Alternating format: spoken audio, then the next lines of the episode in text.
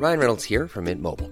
With the price of just about everything going up during inflation, we thought we'd bring our prices down. So to help us, we brought in a reverse auctioneer, which is apparently a thing. Mint Mobile unlimited premium wireless. Ready to get 30, 30, bit to get 30, bit to get 20, 20, 20, bit to get 20, 20, bit to get 15, 15, 15, 15 just 15 bucks a month. So, Give it a try at mintmobile.com slash switch. $45 upfront for three months plus taxes and fees. Promo for new customers for limited time. Unlimited more than 40 gigabytes per month. Slows. Full terms at mintmobile.com. Many of us have those stubborn pounds that seem impossible to lose, no matter how good we eat or how hard we work out. My solution is PlushCare. PlushCare is a leading telehealth provider with doctors who are there for you day and night to partner with you in your weight loss journey. They can prescribe FDA-approved weight loss medications like Wagovi and Zepbound for those who qualify. Plus, they accept most insurance plans. To get started, visit plushcare.com slash weight loss. That's plushcare.com slash weight loss. Lekmer.se. Allt till alla ungar.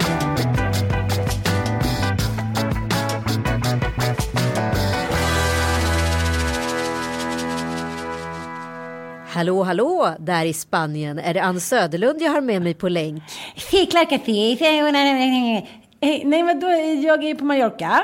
Nu skulle jag ju vilja säga att det här är en underbar morgon. Jag sitter i ett konferensrum på Hotell Esplendido och tittar ut över bukten. Och nu är det någon som åker förbi där lite halvnaken, karaslok. Alltid trevligt, alltid trevligt. Men jag har ju haft en sån jävla mardröm. Jag vaknade helt kallsvettig och, och det var du som var den onda.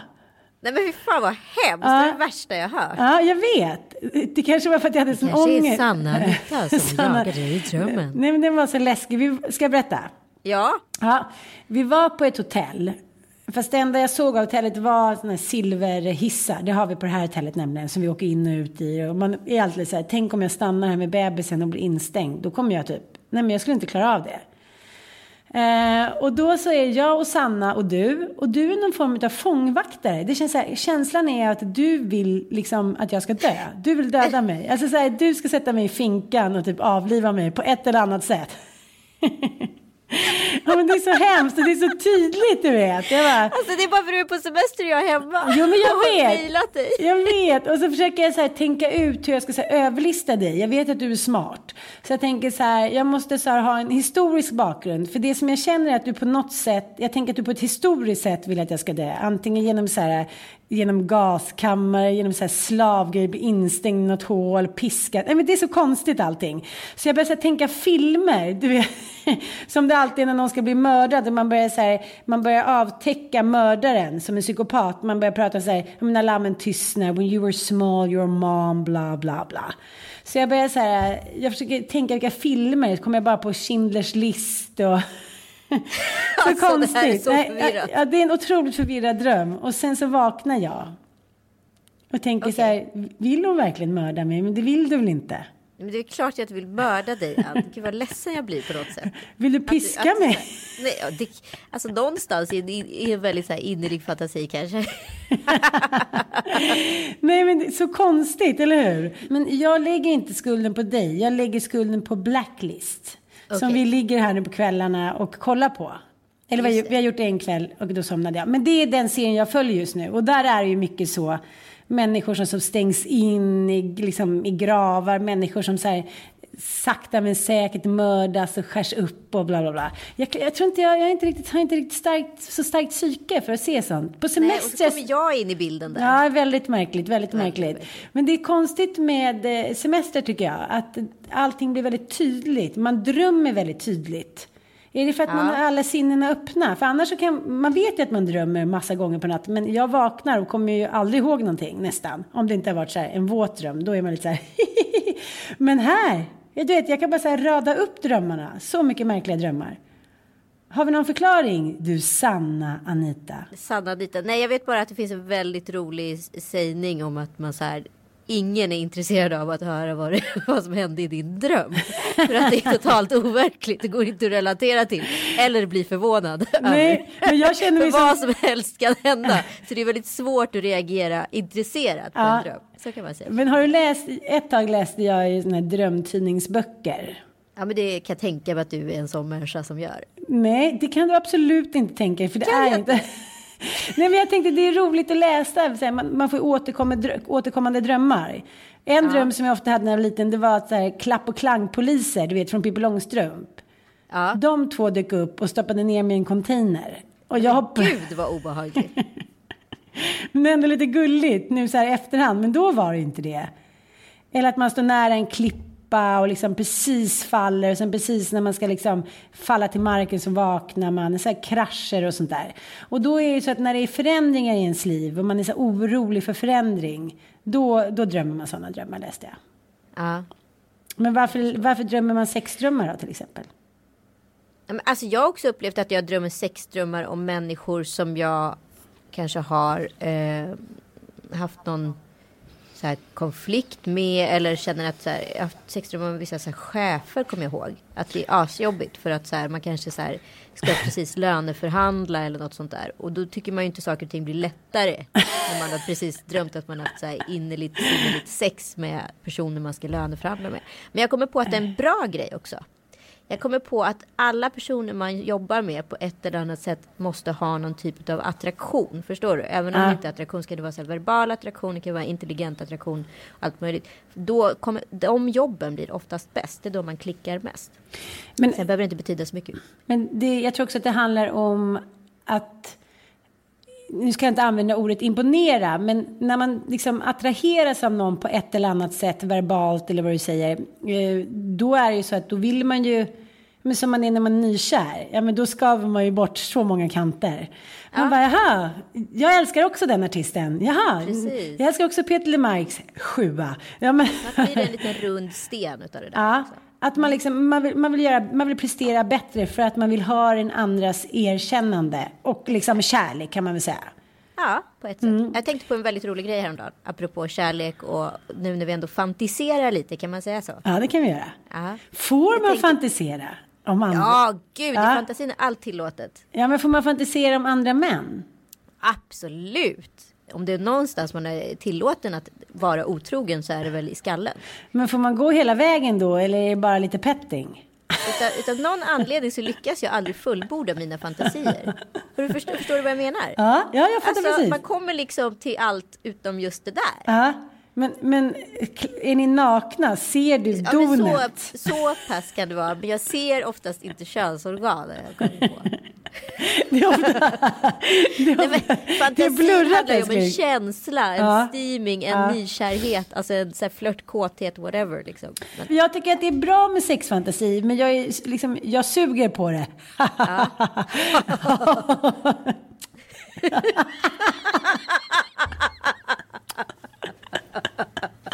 vad jag saknar dig alltså. Jag kan inte komma hit på riktigt Jag snart. kommer till Turki. Ja. Och nu börjar jag svettas igen, särskilt under brösten. Ja, det måste betyda att de har blivit extra hänge. Eh, Okej, då fortsätter vi. Med den här sexfantasier. Då säger de så här, ja men det är jättebra att sexfantisera och särskilt under akten då när man varit tillsammans ett tag för då kan man få igång det. Men när jag har sex, då, då tänker jag, alltså då försvinner jag. Då blir det nästan svart tills det är klart. Det är inte så att jag börjar tänka, åh, tänk om en indian kommer in genom dörren. Eh, Jag vet inte, men lyckas folk med det? Det vore ju underbart. Men det vore ju fantastiskt. Alltså jag har verkligen tänkt på det här väldigt intressant att du kom in på just det. För jag tänkte på en ganska rolig grej. Det här kan ju låta lite fördomsfullt. Men ta det nu inte så, ni som lyssnar eller vilka det är. Eller ens Ann. Liksom. Men vi har haft lite hantverkare hemma. Var de så här, den ena är lite kufigare än den andra. Kan man säga så? Ja. Och inget ont om hantverkare för jag älskar hantisar. Min pappa är hantis. Alltså jag har verkligen, I love hantisar. Men så tänkte jag ändå, lekte lite med fantasin. Om man nu skulle så här, bli ihop med den konstigaste av de här hantisarna. Eh, vi kan säga att han heter Arto. Ja.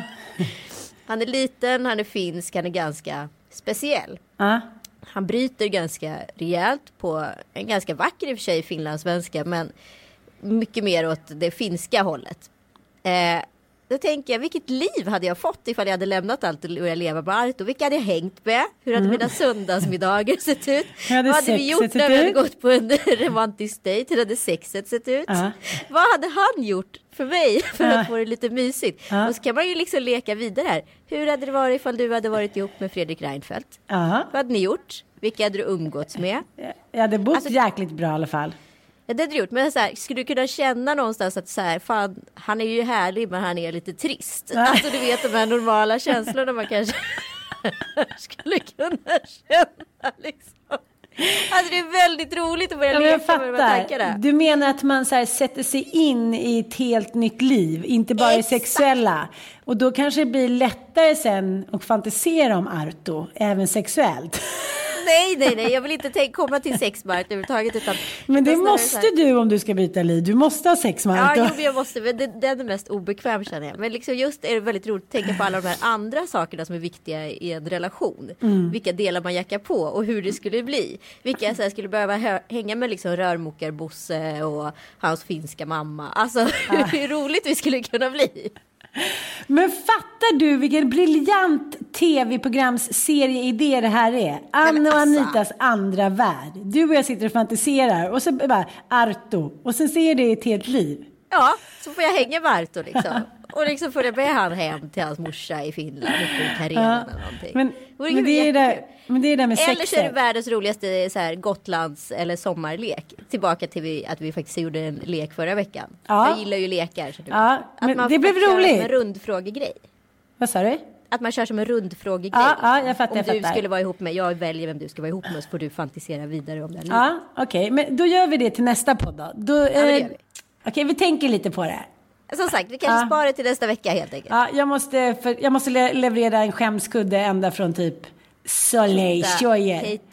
Nej men vi har ju pratat mycket du och jag om att man så här, ska unna sig att jag inte ska bli mer kvinnlig men att jag ska kanske tänka på mig själv lite och min egen kropp och själ och även lite liksom skönhetsmässigt för min egen skull. Och då när vi var i Santa Ponsa då, jag och Sanna med alla barnen, då smet jag iväg och eh, sa jag ska hämta ut pengar. Och sen så gick jag förbi en sån här, jag hade fixat, vi hade faktiskt fixat naglarna. Jättefina. Ja, jättefina. Eh, först var det så här puderrosa, men eh, jag, fick, jag gick faktiskt och bytte. Jobbig svenska. Jag bara, it's no good. De bara, och då satt jag där och då eh, så sa jag så här, har ni tid och kan göra pedikyr, heter det det? Ja, det är för fötterna. Pedikyr. Mm. Och då satte ju de igång. De var från Kina så det blev lite språkig, för, språklig förbistring. Alltså väldigt språklig förbistring. För det var en man som gjorde det här och jag frågade massa grejer men han förstod inte. Han var en, en, en liksom gudabenådad så här fotmassör. Sen började han med den här hyven, du vet. Osthyveln. Ja men, alltså ärligt talat, skam, skamvrån. Du vet, han bara hyvlade så jag tänkte, vad fan är jag en jävla schweizerost eller? Länge sedan var du fixade fötterna? Ja, men jag vet inte, kanske, ja, sist jag var i Thailand i november för typ ett och ett halvt år sedan. Okej. Ja, jag får ändå ligga. Men eh, jag började känna så att det är lite pinsamt när man ligger så ska man gosa lite med, med så här fötterna för det gillar Mattias. Så jag bara, oj vad de är. Han... Men den skönhetsskammelsen när det kom in en tjej och skulle sopa bort ost, ja, men du vet, ostkanterna. Det var så här, nej men nu, nu gör jag då, nu ser inte ni vad jag gör. Men tänk er en handboll. Nej, det var så pinsamt. Men nu är jag så här... En handboll med fotskav. Nej, men nu överdriver jag ju, men nu spyr jag nästan. Men det var så här, då insåg jag att det kanske ändå är skärpning. På far, ja, det var en skämskudde, det kan du väl förstå. Ja men absolut. Men proletärer går väl inte att fixa fötterna antar jag. Om de inte går till kommunistiska Kina direkt och gör det, då är det okej. Förlåt. Ja, så det blir semester i Kina i vinterhjärtat. Ja, ja. Härligt. ja, så det var en liten skämskudde. Men nu är Jag tyckte det var jättefin. ganska bra skämskudde. Ja. Den var fin. Den var Ja. gullig. Men man glömmer alltid bort fötterna. Fötterna är ju fantastiska. De smek, vissa är ju väldigt passionerade när det gäller fötter. Jag hade en kille som var väldigt sexuellt attraherad av armhålor. Gud, det har jag också hört talas om. Så Ja. folk som ligger och sniffar in Ja. och liksom vill hålla på. Och eh, ska man bjucka på sånt då? Måste man, alltså, måste man bjucka på så här sexuella fetischer? Tänk om Mattias kom en kväll och vi skämtade om det häromdagen. Jag bara, ja, men, jag vet inte, vi hamnade, vi pratat om den där dokumentären som gick för ett par år sedan om män som vill vara bebisar som tar in på hem och så blir de vaggade, får ligga i stora sparkdräkter i rosa ljusblått och dricka välling och bli smiskade och ha blöja och sådär. Ja, Ja. Det, man det, skulle komma in med en blöja. ja. Låda Bobos eh, åtta. Ja, men ponera då, nu kommer inte det... Bobos åtta.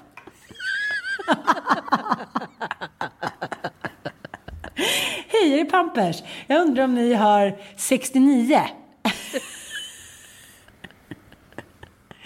Ja, men jag älskar ju honom och så här, jag vill ju såklart att vi ska ha det bra sexuellt. Men om han då skulle komma in med en blöja någon gång, ponera det. Det skulle inte jag gå med på. Nej. Jag skulle inte säga nej, du kommer inte få välling och jag kommer inte låtsas att du är en baby på 70 kilo och 1,80 centimeter. Så här, där går min gräns. Men jag bara tänker på en kompis till mig som vars eh, flickvän hela tiden ville att han så här, skulle låtsas bryta sig in. Och var liksom... Nej, men gud, Ja, obehagligt. att hon skulle ligga i sängen och låtsas sova och så skulle han så här hoppa in genom ett fönster och typ... Det kan låta som att han har en liten fäbless och kanske gör sånt. Jo men det var ju hon som ville. Och hon, kunde, ja, hon ville att han skulle vara en burglar typ. Att han skulle så här, bryta sig in genom fönstret och så här, vara en tjuv. Och sen när han såg henne så skulle han ändra sig och så skulle de ha passionerad sex och sen skulle han försvinna ut i natten. Utan hennes smycken men kanske med hennes avkomma höll jag på att säga. Ja, det var det roligaste. Ja, och en annan hade då um, det sexuella att, att hon ville att han ska komma in som en skidlärare. Att han skulle, Okej. ja men för så här toppluva, pjäxor, skidkläder. Annars så kunde hon, eh, ja, inte komma igång sexuellt. Och det här blev ju såklart ett jättestort problem. Jag menar, hur roligt är det att så här 20 juni dyka upp som så här skidåkarleffe från Verbier bara för att man ska få komma till. Så då undrar jag, tycker att det blev en intressant diskussion som du inte alls verkar gå igång på. Var går gränsen för att man ska plisa den andra? Som på sommaren, då är ju mycket så här, får jag förstå, ja, men säger ska man ställa upp på, vad heter det, pliktsex? Alltså att den andra är sugen efter ett glas rosado, men själv kanske man bara så här, vill ligga och läsa en bok som heter, jag en man som men- heter Ove. Men jag tycker det här är en intressant gräns, för man vill inte göra så här, man vill inte göra, man vill inte göra någonting som man inte egentligen vill ställa upp på, men sen så kan man ju vara lite bjuckig. Men jag, jag, jag vet inte själv var jag tycker att gränsen går. Förstår du vad jag menar? Hur bjuckig ska man vara? För man vill inte... Man vill inte känna sig som att man är liksom raped and plunder när man somnar på natten. Eller liksom... Det måste ju vara på li- bådas liksom villkor på något sätt. Alltså, det låter ju supertramsigt och super-PK. Men så här, det är väl klart att man kan stretcha sig lite för att man, det gör man väl i vissa fall. Det är väl inte alltid att jag skulle så här önska att kolla på fotboll liksom tre kvällar i veckan. Men det kan vi göra två kvällar utav tre, förstår du? Och det är väl samma sak när det gäller sex. Att man kan väl stretcha sig en liten bit. Ja, absolut. Men jag, tror, men jag tror, som sagt, som jag har pratat om tidigare, att de där två veckorna när man blir ihop, eller den där månaden, då Mm. har man det där fönstret öppet för att sätta alla sina Mm. önskningar och beteenden. Kommer du upp med ett sånt här förslag efter sex år i en relation, då är det lite mindre öppet det där fönstret, Mm. om man säger så. Det är inte... Det det, det, om Kalle skulle helt komma, plötsligt komma hem och säga så här, jag vill ha kanindräkt på mig när vi har sex. skulle jag inte vara lika mottaglig för det som jag kanske skulle vara den första månaden utav Mm. nykärhet. Där jag hade bara så här, åh vad spännande, gud vad fascinerande, let's do it. Liksom. Men skulle man inte då tänka att Vadå, är det någonting som han inte har visat under alla dessa år? Är han superkinky? Går inte han liksom... Räcker Jo, men det- alla tankar skulle komma. Ja, men jag tror att det handlar mycket om det där, räcker det inte med mig? Ja. Nej men jag, den, den är jag nog över efter så här lång tid. Mm. Men jag kan tänk, tycka att det är så här. Oj, har du en sån fetisch och inte pratat om det här tidigare? Vad märkligt allting blev nu. Men Var har, har den här gardi, eh, liksom kanin, gardinen, kaningardinen varit någonstans? hen har varit på Liseberg. Göteborg! Ja, Göteborg! Nej, jag Det vet var bara inte. hade sån då? Att man bara vill ha en dialekt. Ja! Ska vi prata... Det inte göteborgska då? Eller, Hallå där! Ante! då tar jag norska. Då tar jag norska gutten. Apropå sex och göteborgare, råkade du se Ralfs Edströms misstagstweet igår? Nej, gud vad spännande. Jag är ju i Spanien, långt bortom Sveriges gränser. Alltså Ralf Edström trodde nog att han skickade ett sms, men istället så skrev han då på Twitter. Jaha. Har det någonsin hänt, har det skett för dig Nej, nej, att du men vadå? råkat skriva en tweet eller en direkt tweet eller och skrivit offentligt? Nej, men jag förstår inte ens hur det är fingerfysiskt möjligt. Nej men det måste ju varit ett direkt tweet som blev Ja, absolut, offentligt. absolut. Ja. Men han, när får han reda Vad står det först och främst? Det står jag vill, eh, jag vill ha telefonsex och höra dig njuta. Skrev han då ut till alla på Twitter. Men jag orkar inte. Men det räcker, det, det slutar ju inte där. Utan han säger det, då försvarar han sig genom att säga svettas ännu mer. ja, nej, men att han bara att det råkade komma fel och att han framförallt bara ville dra en handtralla. det måste man väl få göra. Alltså- Han ringde sin PR, liksom PR-snubbe som räddar honom ur pinsamma situationer och sa så här. Vänd det här nu. Liksom vänd det här till att du skrev fel. Helt fel. Du borde gjorde bara en, så här, en blunder. Du var typ full, påverkad, sov. Och sen säger du att du egentligen bara vill dra en runk. Alltså jag förstår inte. Nej men alltså Förlåt. jag tror hans PR-person har sagt upp sig för länge sedan. För det hände för mycket konstiga saker med Ralf Edström. Men, men jag menar. jag tycker att människor som börjar liksom röra sig runt 60. De ska vara försiktiga. På sociala medier. De, det är ett viss teknik. Som de kanske inte alltid behärskar på det bästa sätt för deras ändamål. Allt ifrån kommentarer skulle jag säga Mm. till liksom tweets. Men har du varit Jag med om det där någon gång att man skickar fel? Jag har Eh. faktiskt, jag har klarat mig ganska bra, men jag har ju flera kompisar som du vet, man skickar till liksom kompisar och snackar skit om de andra, man är på samma ställe, det blir oerhörda konsekvenser alltså. Ja men det är ju fruktansvärt. Jag har faktiskt inte gjort det själv men däremot så har jag liksom, ja men du vet man kan ha mejlat fel. Jag har, åh gud. Det var, jag har faktiskt en tjejkompis med skådis. Eh, och hon skulle skicka till en annan tjejkompis som eh, skådis, inte gemensam. Eh, en lista på alla castar och lite så här vilka personlighetstyper de var, bla bla bla. Istället då för att så att då hade de liksom lagt in alla de här i kopia i mejlet. För att skicka, få fram själva mejladressen som man kunde kopiera och klistra in i mejlet. Så de skriver lite kommentar bak, bort, bakom varje namn. Så trycker de på sänd och inser att de har glömt att tagit bort alla castar. Nej. Så hon var ju ganska stekt i branschen väldigt länge. Nej. Sen har jag en annan kompis vars, så här, skri- vars mamma skriver i på så här Facebook-tråden bara När jag satt in 50 000 gumman, ha en härlig semester nu när hon vill leka så här rikt och glassigt liv liksom. Apropå det, nu måste vi ändå kanske prata lite om Ulf Lundell. Oj, Jag och Sanna, vi är ju på den här semestern då. Och Sanna säger så här, ja har du sett? Jag, för jag var inte i Sverige, jag var, jag var på väg dit då. Jag bara, va? Hon bara, men har du inte sett vad som hänt? Pappa är typ, ja, skrivit ner mig i alla medier. Jag bara, jag orkar inte.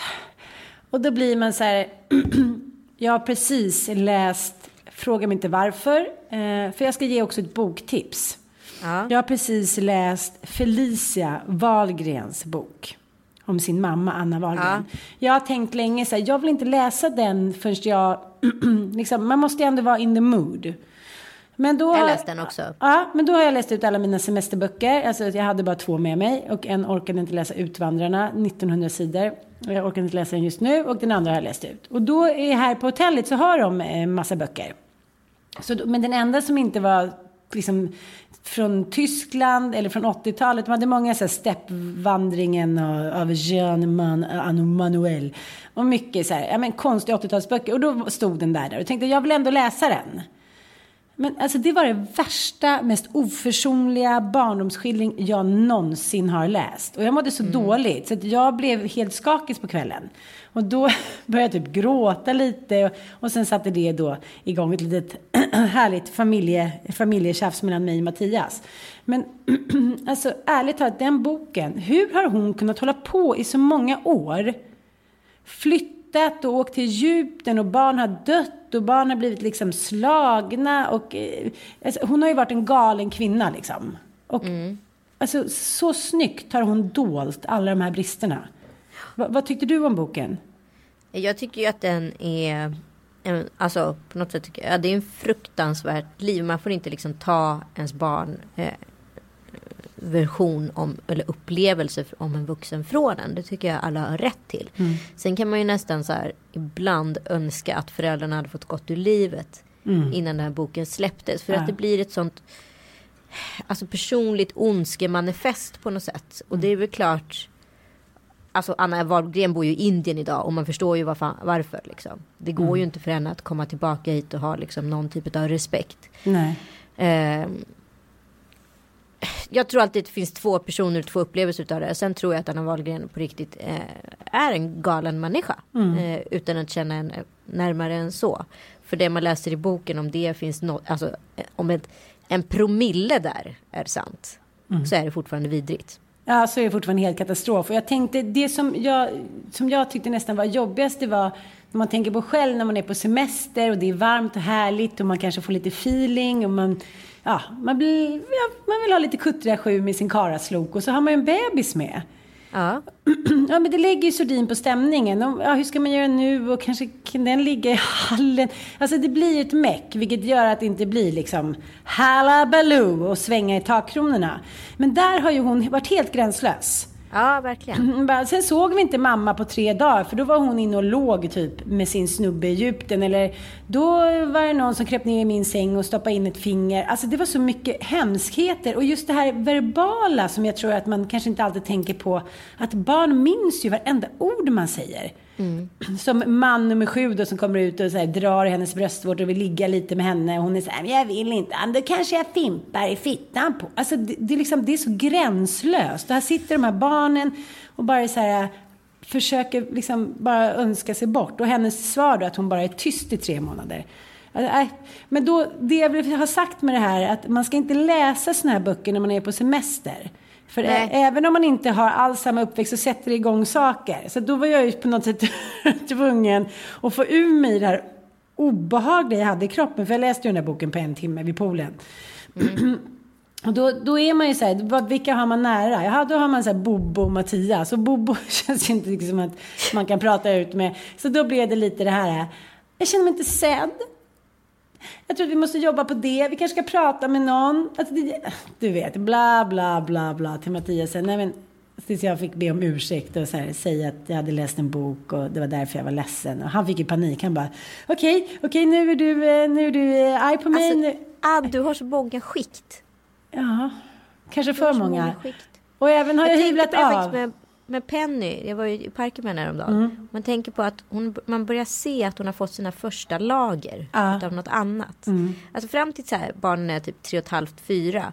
Då är de liksom, jag skulle säga så nära kärnan utav en verklig människa. Ja.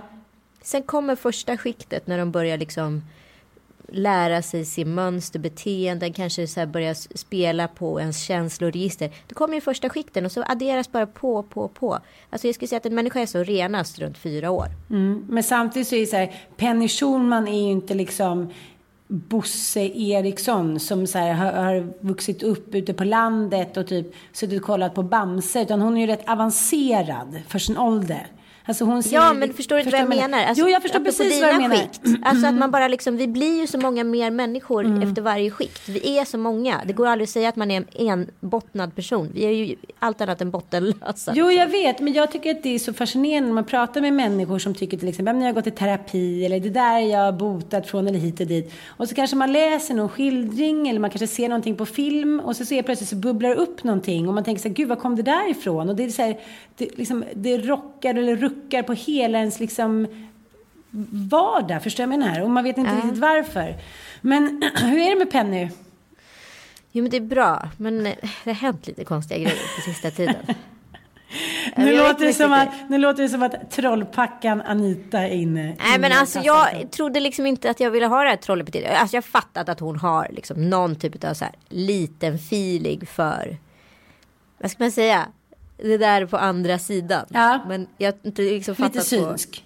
På, lite synsk. Jag har inte men- liksom fattat vilk, hur avancerat det här är. Fast du och jag har väl också, man kan ju känna in kanske Ja. mer än andra. Alltså, Absolut. Jag har också massa så bilder från när jag var liten. Att jag har, har ganska så starka upplevelser av vissa saker som jag inte tänker gå in på. Men, men eh, hon har det. Så Mm. kan jag säga. Så helt plötsligt, vi var på hotell där. Apropå hotell, vi måste prata om det här med hotelläggen. ja, men nu berättar du klart Ja, det här. okej. Ja, hon, jag vill höra nu hur vi ska få reda på att Penny är Schulman är tre små grejer. Jag ska försöka så här, eh, summera det ganska ordentligt. Det är tre grejer som har vi tar det här på allvar väldigt nu. kort tid. Ja, men vi åkte till Vimmerby och bodde på hotell där eh, och eh, skulle gå på Astrid Lindgrens Värld. Helt plötsligt får hon så här, ställer hon sig upp och bara, jag måste ringa en kompis till oss, min, eh, ja, mig och Kalle. Jag bara, jaha, det håller på att hända någonting. Jag bara, vad är det? Och så går hon runt och använder vet, det här lilla kortet som man har som man kommer in på rummet med. Och så säger hon så här, hej, pip pip. Eh, hur, är du, hur mår du? Är allting bra? Jag bara, men gud vad är det som händer Penny? Hon leker och det är väldigt avancerat helt plötsligt. Hon bara, Pip Pip är eh, på semester i Frankrike. Jag vet inte ens om att hon vet vad Frankrike är. Eh, hon har druckit alldeles för mycket vin så hon mår dåligt. Jag visste inte ens att de visste att man kunde må dåligt för att man druckit mycket vin. Hon får inte ta sin bil hem. Så vi ringer våran kompis. Mycket riktigt har det här exakt utspelats just där och då. Men gud, nu ryser jag så mycket. Ja, alltså det var så obehagligt. Och sen så är det som att hon liksom nästan kommer ur det här så hon inte ens minns att det har skett. Det är som att hon inte, jag ska inte säga att hon är i trans för hon är precis som hon är som vanligt. Men det är som att, jag vet inte om hon tror att det är bara är en lek. Men för oss blir det väldigt verkligt då. Eh, sen så i nya lägenheten frågade vi faktiskt kvinnan vi köpte den av. Det några spökerier i och med att Lex Karlbergsvägen hade varit en del. Hon bara nej nej det har inte varit några spökerier. Hehehe. Och så är det inte så mycket mer med det. Jag kom in i sovrummet precis innan vi satte upp sängen. Då var det någon som hade målat med grön färg. Eller vet sån här typ sån här neongrön färg. Du vet man, man skulle ta en överstrykningspenna och måla på väggen. Men den kanske har gått sönder och har runnit lite här och där. Och så har man klott, klottrat i ojämna mönster fram och tillbaka. Så givetvis går jag till Penny och bara Penny var 17. Vi har ju sagt till dig. Man får inte måla på väggen. Och hon börjar gråta och säger det är inte jag, det är spöket som har gjort det. Jag bara ja ja, skitkul. Det är spöket som har gjort det. Kalle kommer, vi står och kollar på den här färgen. Står och pratar med hon bara det är spöket som har gjort det, det är inte jag. Vi går ut från ru- sovrummet. Vi har alla sett den här färgen väldigt tydligt. Eh, kommer tillbaka in i sovrummet, det är ingen färg där.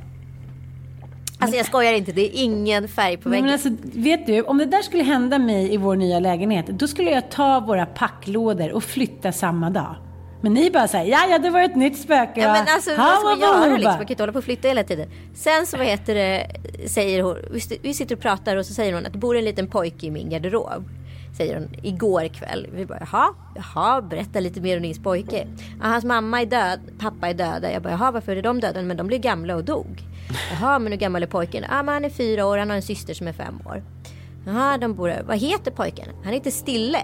Jag bara Stille? Det var ett konstigt namn. För skojs skull googlar jag på namnet Stille. Men Är det ens ett namn? Nej men det trodde inte jag för jag tänkte jag vill ändå googla. Du vet såhär jättekonstigt. Jag googlar och vet du vem människan som har byggt området runt Tessinparken heter? Stille. I, I efternamn. Nej men jag orkar inte. 1929 bodde i vårt hus. Alltså det är så scary va? Men alltså, jag, jag fattar inte, här, om, det, om nu när du säger att det är ett efternamn, då kan man ju liksom förstå lite. Men jag har Stille, men jag har aldrig hört namnet. Jag kommer Aldrig aldrig hört höra det. Det var efter. konstigt att hitta på också, eller hur? Ja men vadå, var skulle hon hitta det någonstans? Är hon så här översmart och så här, nu ska jag hitta på historier? Nej, nej, nej. Alltså, nej men det är så konstigt. Ja, jag försöker i alla fall släktforska på den här Stille. Så om någon som vet någonting om arkitekten Stille som byggde alltså, eh, funkishusen runt Tessinparken 1929 får man jättegärna återkomma till oss. Men jag tänker på, på sådana här, när, man upptäcker att ens barn kanske är extra bra på någonting eller har talanger eller som i det här fallet med Penny, lite vad man ska göra av det. För min Elon, han är, mitt ex är ju så supermusikalisk och även hans pappa så övermusikaliska. och ja, ja, men jag sjunger gladeligen, en, har sjungit i någon kör och försökt spela lite gura, men så här, ej, I ain't no, none Joni Mitchell liksom, det är jag ju inte. Det skulle kunna vara. Okej då, Barbara Streisand. Näsan. När jag var liten var det flera så här, gud det är så himla lik så här, Barbara Streisand. Så jag bara, mm, tack så jättemycket. Men eh, nu jag, tycker jag det är en jättegod komplimang. Ja. Ja? Jag ja vad vill hört, du säga om Elon nu då? jag har också hört. Madonna. Nej, men då efter en skolavslutning för två år sedan så kommer det fram någon då eh, och, och säger så ja, jag vill bara prata med dig om Elon. Han är så här, han har absolut gehör. Jag har aldrig liksom hört honom, men jag har aldrig hört honom sjunga, aldrig hört honom liksom visa något intresse rent musikaliskt. Det har ändå liksom Dante gjort. Han sjunger ju hela tiden och sådär, men inte Elon liksom. Så bara, du behöver inte göra någonting än, men du måste liksom typ ta tag i det. Då börjar jag säga, jaha, då ska jag säga, han vill inte börja på musikskola, han vill inte börja liksom spela gitarr. Han, han, vill liksom, han vill hålla på med sin, sina spel, han vill spela lite badminton, nu har han varit på seglarläger och sådär vad gör man med sådana talanger? Det är som att Dante är så här överjordiskt bra på fotboll. Han liksom, ja men han är så en bolltalang. Skicka på fotbollsläger då. Ja men det gör jag, gör ju allt sånt där. Men det gillar ju jag liksom själv. Musik, alltså förstår du vad jag menar? Det är Ja, ja. lättare för mig med fotboll för jag själv har spelat fotboll och är väldigt intresserad. Men då ska jag då säga mitt underbarn, musikaliska underbarn. Jaha, han vill inte gå på musikskola. Alltså vad gör, man, vad gör du med Penny Schulmans talang inom andevärlden? Vad då ska du sätta henne Ska jag, ens, ska jag ens liksom alltså, göda den? Jag tänker att det kanske, alltså att hon inte kanske mår bra utav det. Att det kanske bara får passera. Hon har det här fönstret öppet nu och så kanske det stängs om några år. Ja, Alltså så var det för mig. Jag har ju ingen, jag ju inga så här sjätte sinne idag liksom. nej, nej. Däremot så kanske jag kan känna av saker och ting i rum eller stämningar lite känsliga. Mm. Men det betyder ju inte att jag är mer begåvad för det. Det gör väl du med. Vi är väl känsliga varelser och så är det ju liksom. Vi tiger ihjäl det. Men det jag skulle säga är bara att just det här med känslor. Att man, det är så svårt för mig som är en känslomänniska precis som du. Att man då inte ska gå in i alla känslor. Att, att, Apropå din, ditt utbrott på Mattias. Nej, det var absolut inget utbrott. Det var bara så här att det satte igång någonting i mig då som skavde lite. Och då, ja, då blev jag lite, jag, jag tyckte det var så jobbigt att läsa så då blev jag lite ledsen. Och sen så är det nya miljöer och jag saknade barnen lite. Man vet ju liksom inte vad som är vad riktigt. Nej. Och man behöver inte alltid bena i det. Men då, förut då när jag tränade som jag ska sätta igång med nu, då stack jag ut och sprang. Och sen så hade det släppt. Men nu när jag liksom inte har kommit igång med träningen, då blir det lätt att man så här, låter någon annan få ta det. Och jag, jag försöker jobba med det, för jag tycker ju själv att det är väldigt fel. Man behöver liksom inte gå igång alltid på alla känslor. Man behöver inte leverera. Men det är också svårt när man sitter där med typ en klump i halsen och så här, var den perfekta frun och mamman när man bara vill sätta sig ner och supergråta. Och så kan man inte riktigt förklara varför heller och den andra blir jätteorolig och ledsen och bara, vadå, har jag gjort någonting? Så bara, det är inte det. Det är Felicia Wahlgren. Jag menar alltså, ja du fattar.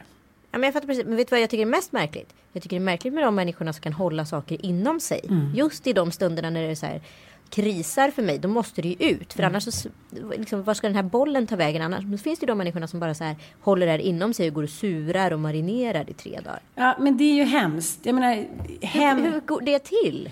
Man har ju kompisar som har vuxit hem, upp, upp i hem där det kan ha varit tyst i veckor för att mamma och pappa är sura på varandra. Och då vill jag bara ha bekräftat av dig att det är bättre att man låter så här flåntigt och kanske lite orättvis mot den andra än att man går omkring och surar och lägger på lager och sen så bara mår jättedåligt. Ja, men man får inte vara långsint. Nej, bra. Bra. Och sen blev det jättebra. Mm, Mm.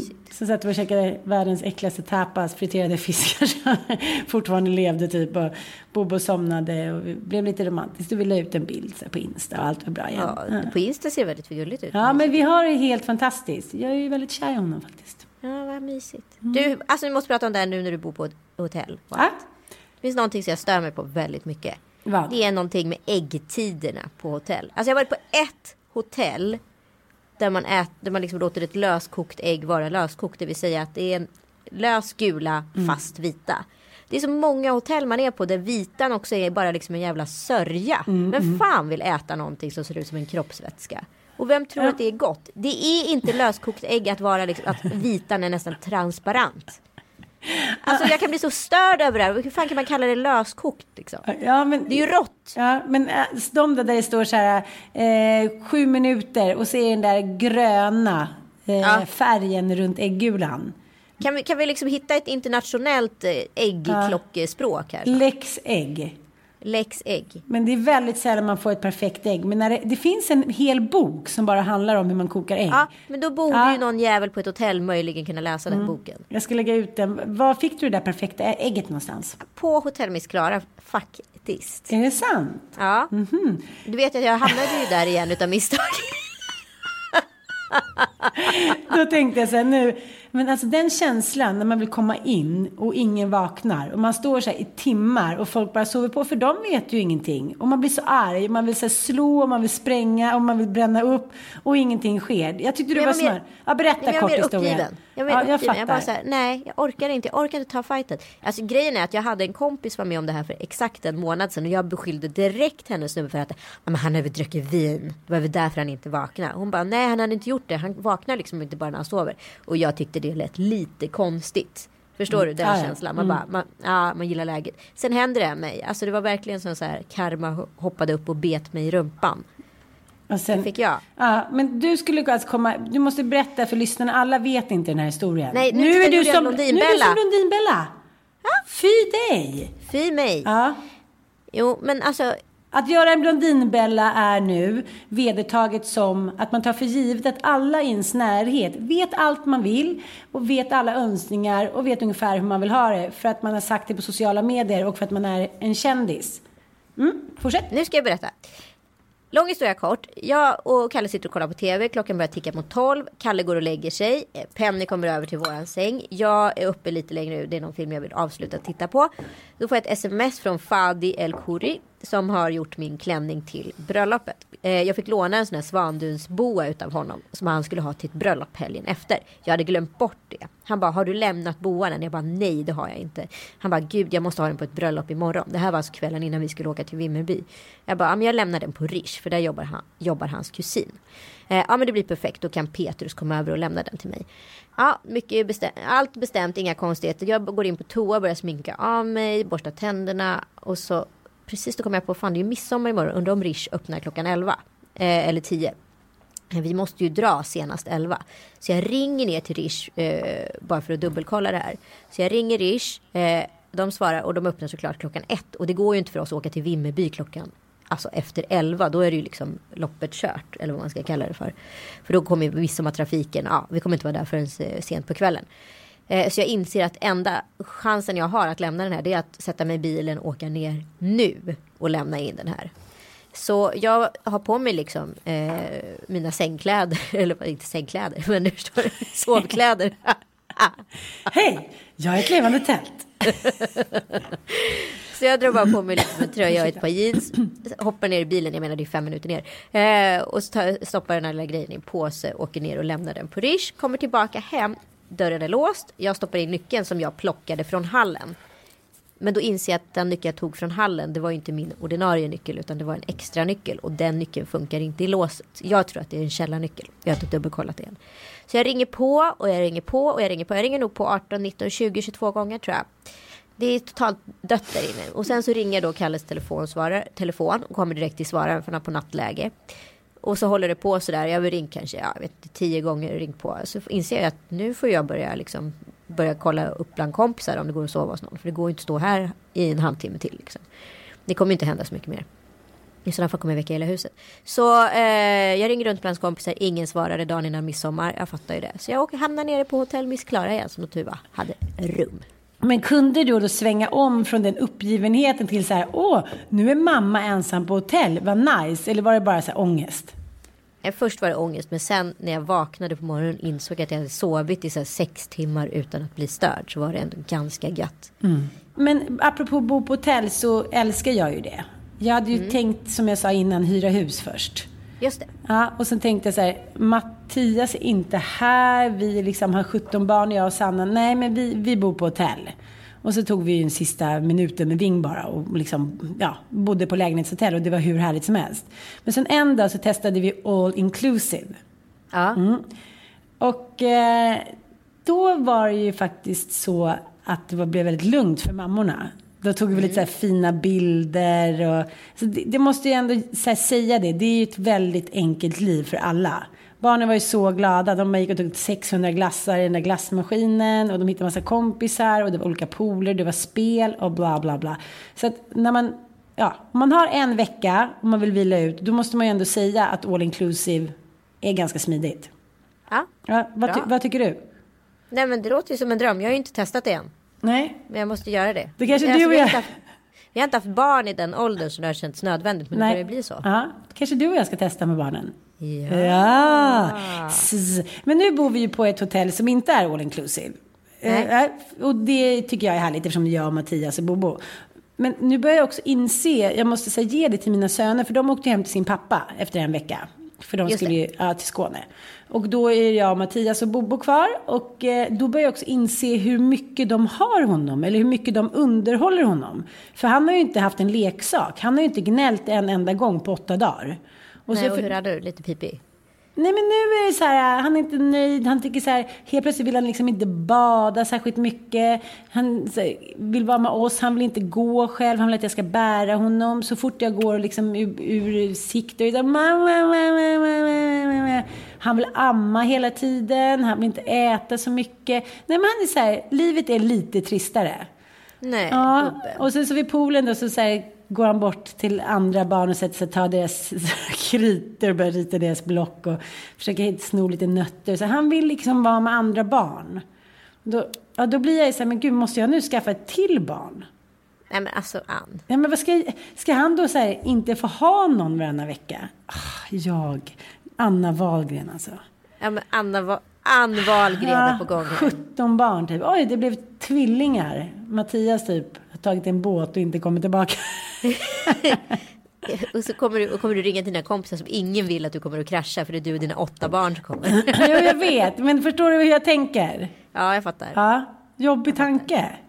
men vi, tur att vi har en sån himla fin sponsor då som Lek Mer. Ja, du menar att jag ska beställa lite fler leksaker?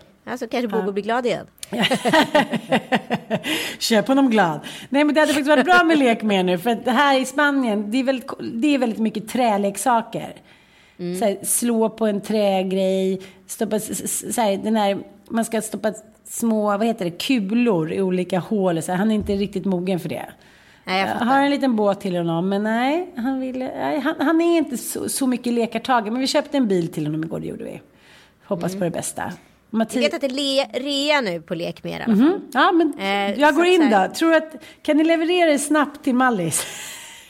De kan faktiskt leverera överallt. Vet du vad som är bra också när man är så här utomlands och i USA och man har typ tillgång till Amazon och sådana där grejer. Då köper man ju allting på hemkörning för de är väldigt mycket, de, deras e-handel är mycket större och mer etablerad. Ja, ja. Så du kan ju beställa till hotellet. Alltså jag gjorde massa sådana grejer i Miami. Då köpte jag saker på nätet i Sverige. Ja. Och sen så vet levererades det till hotellet i Miami. Så när jag kom dit stod mina så här snygga härliga påsar och McLaren-vagn där. När jag var Nej. jo, Ha, bra tips. Men, Bra jag, men jag åker hem på torsdag. Mm. Just det. Nej men tack till Lek Mer i alla fall. Ja, tack så jättemycket. Också så här grymt bra fungerande leveranstider och I love them. Mm. Kolla på mitt Instagram nu, då ser ni faktiskt en säng som jag köpte stomme för från Lekmer och jag har byggt in och gjort lite do it yourself touch på det. Jag såg det. blir väldigt fin. Väldigt fin. Väldigt fin. Men jag tänker bara på den där Stille som ligger och målar där bakom Penny. Ooh. Jag vill också tacka My Safety som jobbar mycket för näthat. Jag tänkte på det Alexandra Pascalido nu som skriver om, om Grekland och att de kanske ska gå ur EU och allting. Hur mycket näthat hon får. Och vad bra det är att det finns sådana aktörer som My Safety. Tack Ja, My men Safety. verkligen. Absolut. Och så här, de är, eh, apropå Almedalen. Alltså det är väldigt roligt just nu i Stockholm. Att vi som ändå är en, vad man kan kalla det för, 90-talistgenerationen som alla var på Hultsfred och Roskilde. Då, på 90-talet kunde jag få frågeställningen väldigt många gånger. Ska du till Hultsfred? Ska du till Roskilde? Ska du till bla bla bla? Nu är den generationen Almedalen gamla. Så nu är det samma personer som ställer samma fråga om Almedalen. Ska du till Almedalen? Ska du till Bråvalla? Har de börjat med nu också. Så nu handlar det inte om politik längre. Jag Nu handlar det inte om politik längre. Jag är Jo, så det hand- dålig på att gå på... eh, Inte på Almedalen är jag inte dålig, men jag är väl, har varit väldigt dålig eh, besökare på festivaler. Ja. Men om man nu skulle tänka att Almedalen är en festival så är ju i alla fall det en festival i, i samtal och diskussion Ja. och lyfta upp frågor som är viktiga. Och där är i alla fall My Safety och pratar om, eh, om hur man minskar hot, kränkningar på nätet. Eh, på. Första juli så har de ett seminarium på temat. Eh, så gå gärna och kolla på det seminariet. Jag tror det är riktigt intressant och det är väldigt bra föreläsare. Första juli alltså. Är du där? Jag är där första juli. Mm, det ser du själv. Mm. Tackar vi för idag. Ja, Ja. tycker jag. Men vad då? Går jag ut och tar mig ett litet dopp i poolen. Eller i havet. Ja. Härligt, Ja. vad kul. Själv så ska jag sitta på kontoret i några timmar till. ja, det är inte synd om dig. Eh, hasta luego, hasta la vista baby. Hasta la vista baby, vi ses snart. I nästa podd måste vi prata om Arnold Schwarzenegger. Oh yes. Ja. Oh yes. Hasta la vista baby. Hasta la vista Hasta la vista baby. Hej då. Lekmer.se Allt till alla ungar.